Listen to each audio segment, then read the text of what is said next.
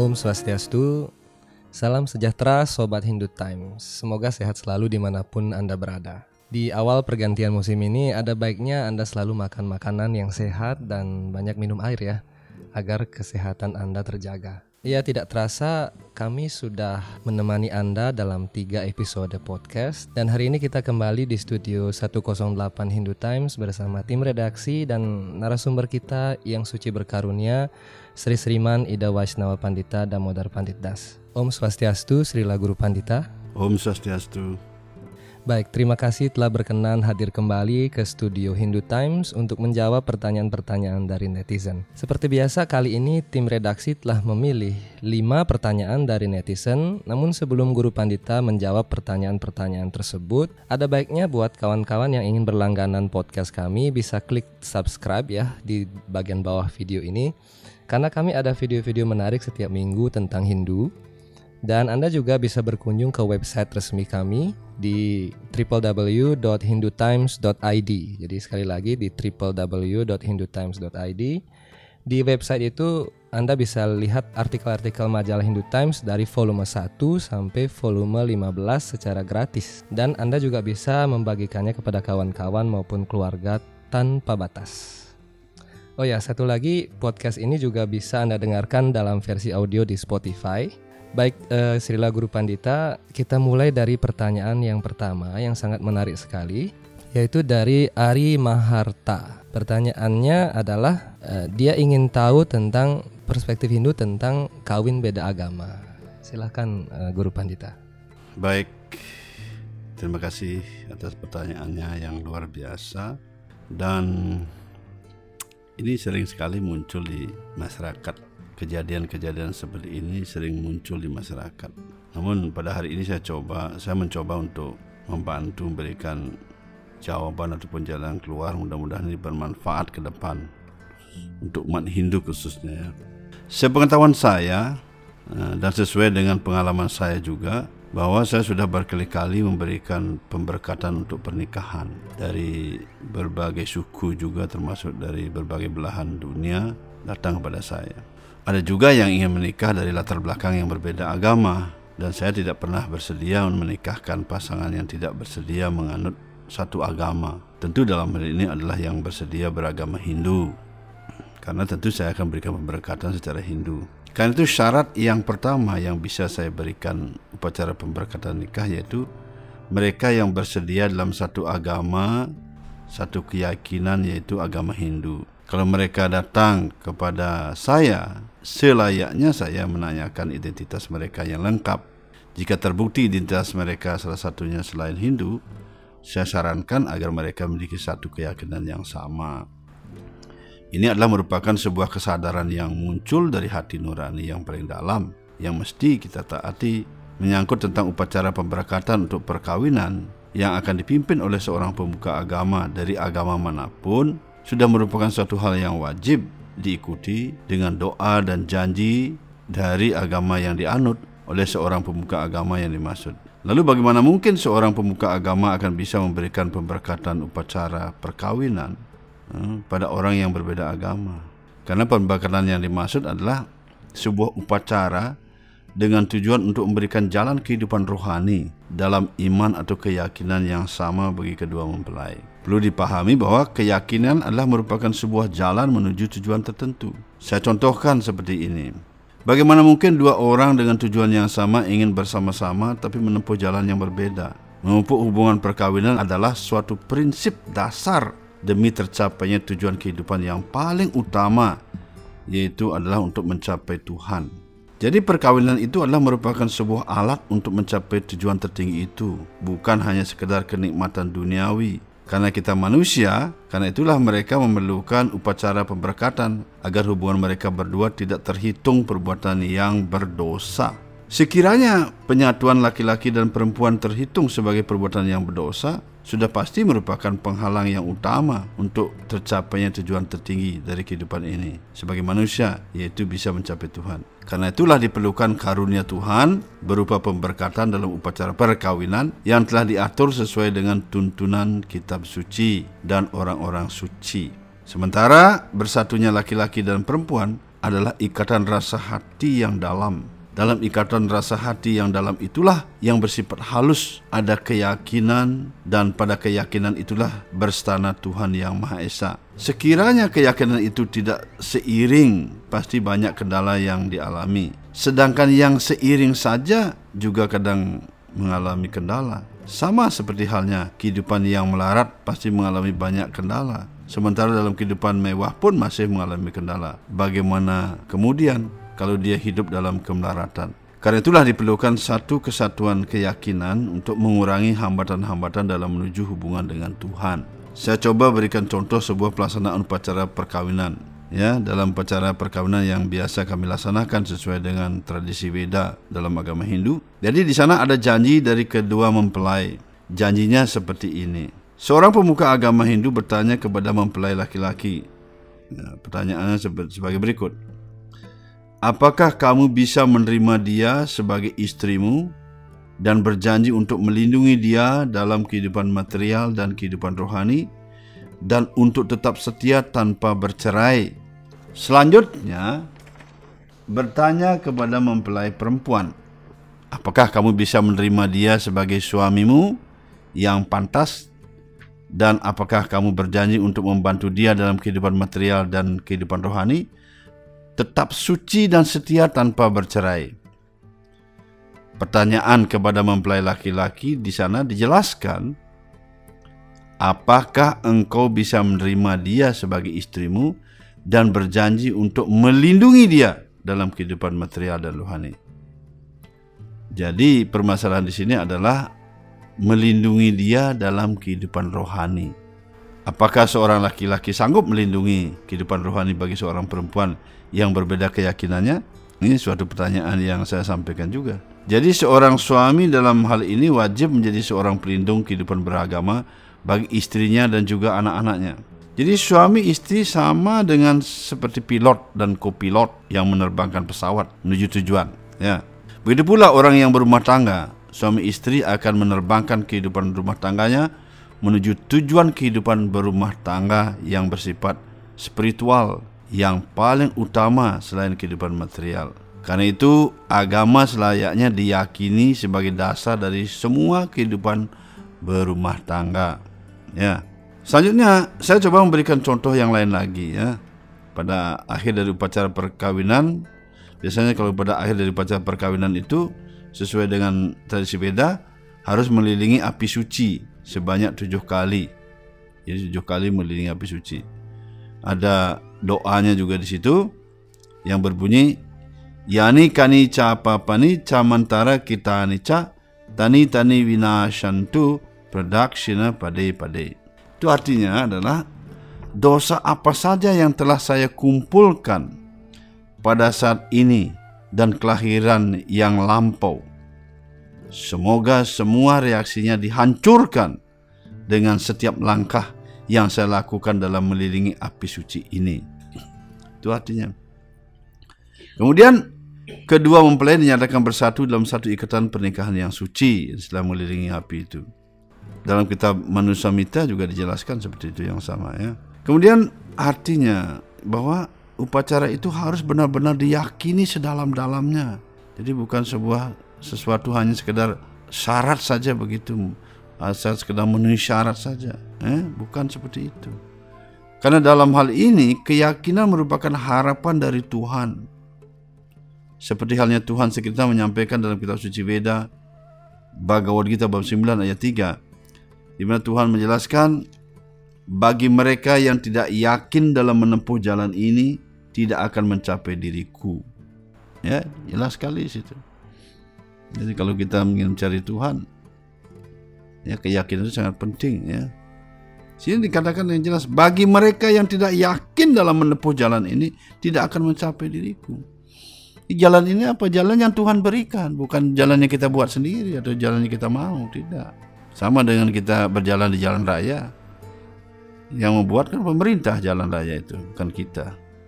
Apa kita mampu pribadi membuat jalan raya seperti itu? Jalan tol apalagi. Jadi kita harus yakin menempuh jalan itu dan ikuti aturan jalan itu. Jadi sini artinya bahwa doa yang tidak dibarengi dengan keyakinan merupakan sesuatu yang sia-sia saja. Jadi kalau doa tanpa keyakinan sama sia-sia saja. Dengan menghabiskan waktu, dana, tenaga dan lain sebagainya. Jika tidak demikian berarti dia sudah menganut agama yang maksud dan keyakinan bukanlah sesuatu yang kita permainkan. Jadi artinya bahwa di sini dengan meyakini itu berarti dia sudah menganut agama yang maksud. Saya yakin berarti kita sudah menganut agama itu. Karena itu keyakinan bukanlah sesuatu yang kita permainkan. Sekiranya kita main akal-akalan, seperti kata saya tadi, berarti kita sudah menjebak diri sendiri dalam suatu perbuatan yang berdosa yang kita buat sendiri hanya karena mengutamakan nafsu dan tidak mengikuti ajaran Tuhan sesuai dengan kitab suci itu. Ya.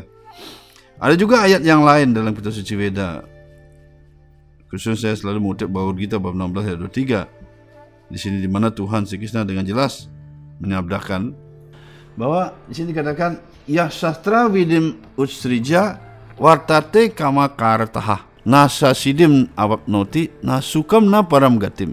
Artinya dia yang menolak aturan-aturan kitab suci dan bertindak sesuai dengan kemauannya sendiri tidak akan mencapai kesempurnaan, kebahagiaan dan tujuan yang tertinggi itu. Jadi ayat ini sudah menjelaskan bahwa seorang tidak dibenarkan berbuat sekendak hati sendiri tanpa ada tuntunan dari Tuhan. Ya, tanpa tuntunan dari Tuhan sendiri sesuai dengan sabda beliau dalam kitab suci.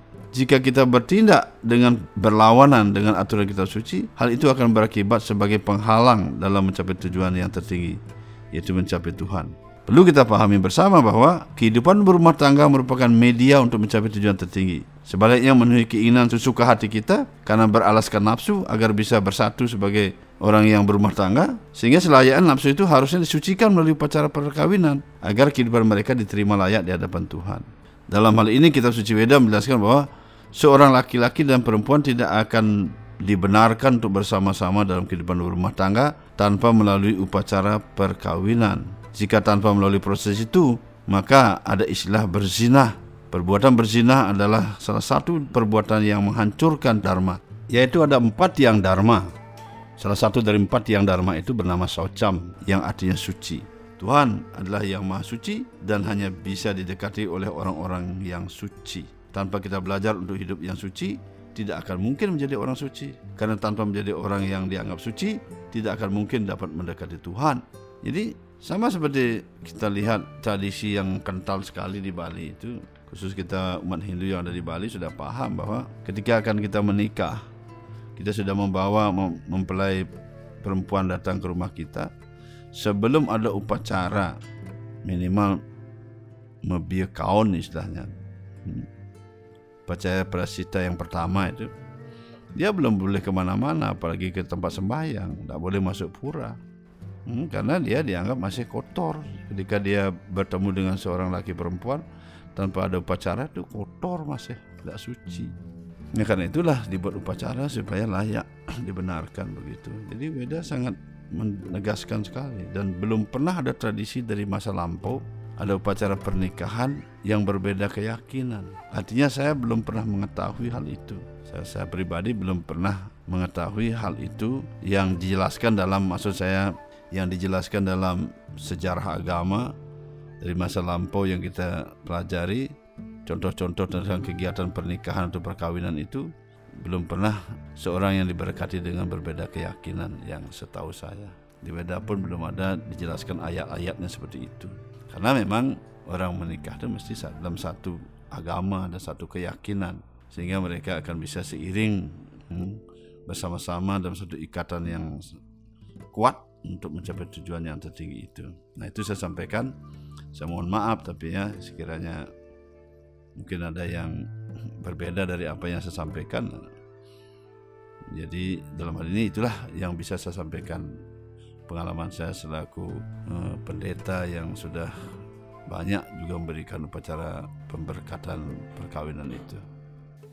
Baik, terima kasih Sirila Guru Pandita. Kita lanjutkan dengan pertanyaan yang kedua dari Bobby Sandy 9728. Jadi pertanyaannya adalah apakah makhluk sejenis preta dan asura dapat masuk ke sanggah merajan dan pelangkiran?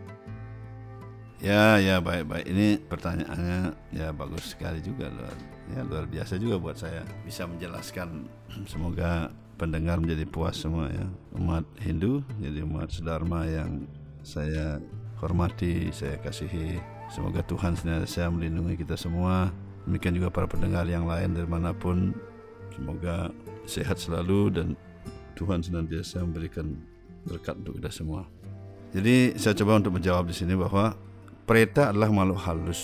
Jadi preta itu sebenarnya roh yang keluar dari badan yang masih dibungkus oleh badan halus. Itu nama preta. Badan halus itu adalah pikiran, kecerdasan, dan ego. Itu badan halus. Jadi ketika roh itu keluar dari badan maksudnya meninggal dunia, sebelum dia mencapai pembebasan, artinya setelah mencapai penyucian sepenuhnya dari semua perbuatan yang berdosa untuk berjalan menuju dunia rohani. Jadi yang keluar itu ada dibungkus oleh badan halus tadi.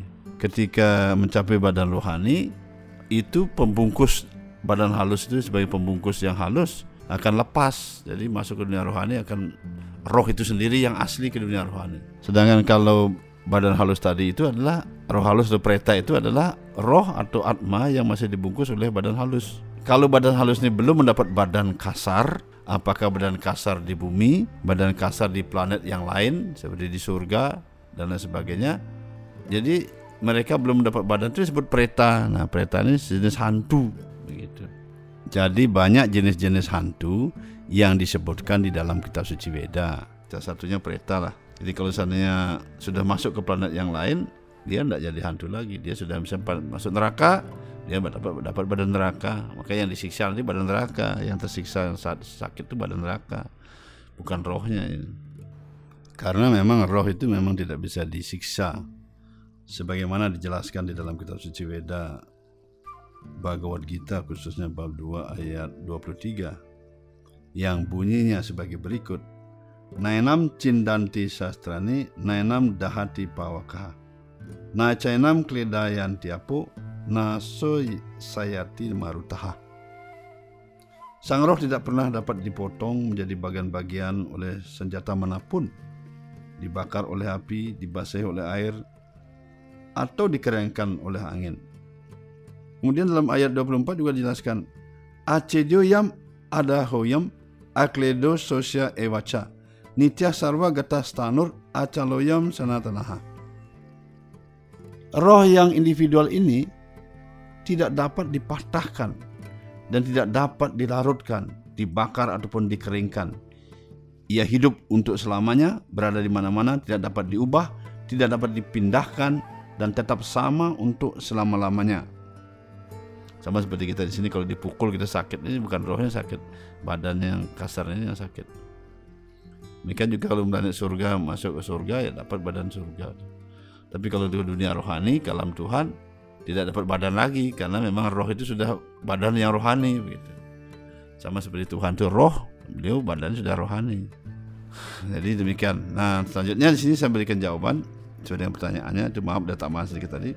Badan halus yang membungkus roh atau atma tadi itu, ya, seperti saya katakan tadi bahwa pikiran, kecerdasan, ego itu yang membungkus badan um, membungkus roh. Ya. Ke mana pun mereka bisa pergi dan ke mana pun mereka bisa masuk. Jadi badan halus itu Contohnya seperti udara saja, dia ke mana aja dia bisa masuk pergi begitu. Bahkan peta ini lebih halus dari udara. Seperti pikiran kita sekarang lah. Roh itu kan uh, dibungkus oleh badan halus sebesar satu pikiran. Nah, itu juga pikiran kita sekarang. Kita memikirkan di, masuk ke dalam api bisa. Kemudian ke hampa udara, ke atau ke angkasa, ke dasar laut misalnya itu semua bisa kita pikirkan pikiran kita dapat memasuki tempat-tempat itu atau ke mana saja. Seperti itulah pereta bahkan mereka bisa masuk ke dalam tubuh manusia dan tinggal dalam pikiran orang tersebut sehingga orang menjadi kesurupan. Ya perlu di saya beri penjelasan sedikit. Banyak kadang-kadang orang kesurupan itu sering terjadi ya. Kalau menurut beda yang saya ketahui bahwa itu adalah roh-roh halus tadi itu, malu-malu halus tadi memasuki pikirannya dan di pikiran itulah yang diganggu sehingga tidak stabil jadinya begitu sehingga bisa tidak sadarkan dia akhirnya kesurupan seperti tadi. Itu yang masuk. Jadi kalau makhluk-makhluk yang lainnya sudah dapat badan apalagi badan-badan suci seperti para dewa ataupun roh-roh yang suci yang sudah masuk ke alam surga apa dunia rohani tidak mau masuk begitu. Dan tidak bisa masuk ke sana. Artinya tidak mau memang tidak ada ruang untuk itu.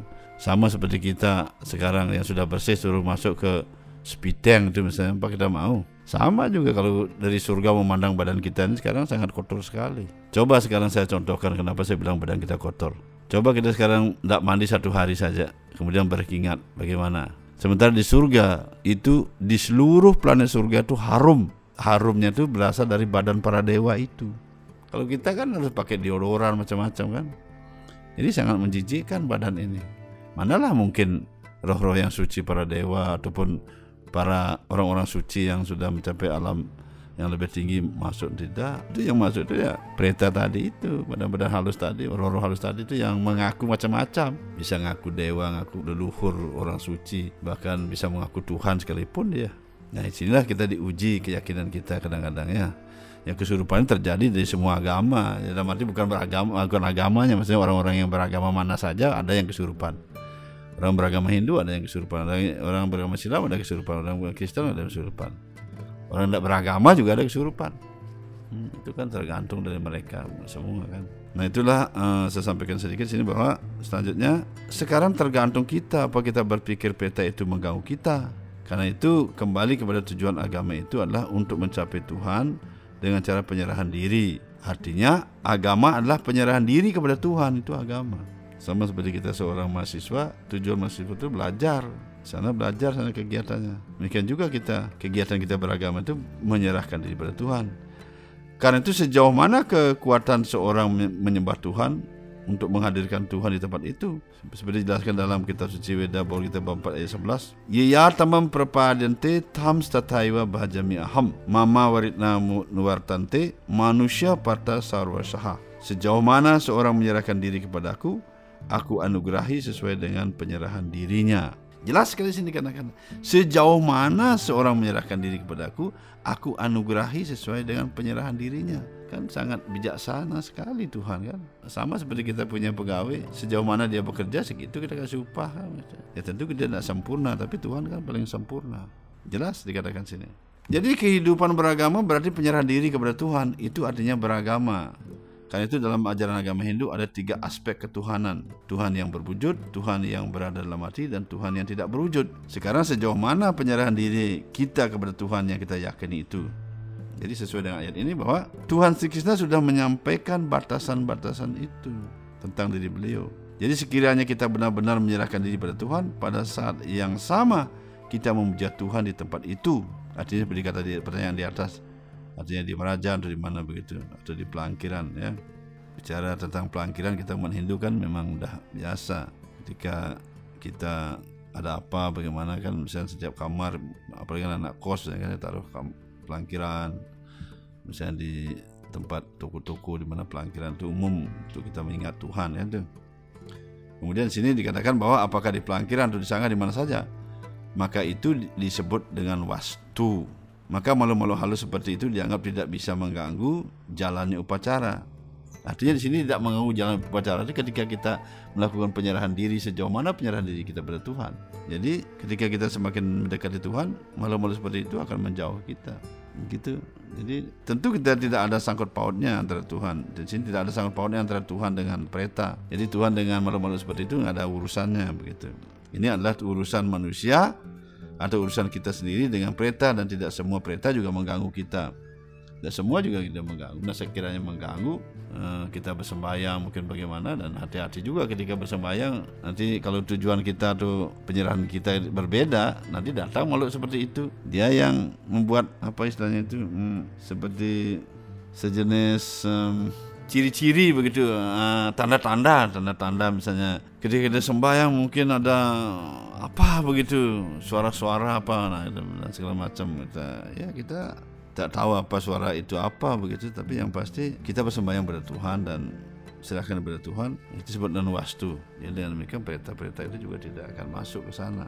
Artinya masuk dalam arti mengganggu begitu demikian juga di rumah kita jika wastu kita benar wastu rumah itu benar maka tenaga-tenaga yang negatif yang mengganggu kehidupan rumah tangga tidak akan bisa masuk sana. Jadi rumah itu kalau di Bali ada istilahnya aste kosale kosali itu kan aste bumi juga begitu. Jadi dalam beda itu wastu itu kalau Cina namanya feng shui. Jadi kalau ada satu apa istilahnya satu helai daun saja yang membatasi sesuatu itu malu negatif tidak bisa masuk. Nah seperti itulah uh, wastu itu.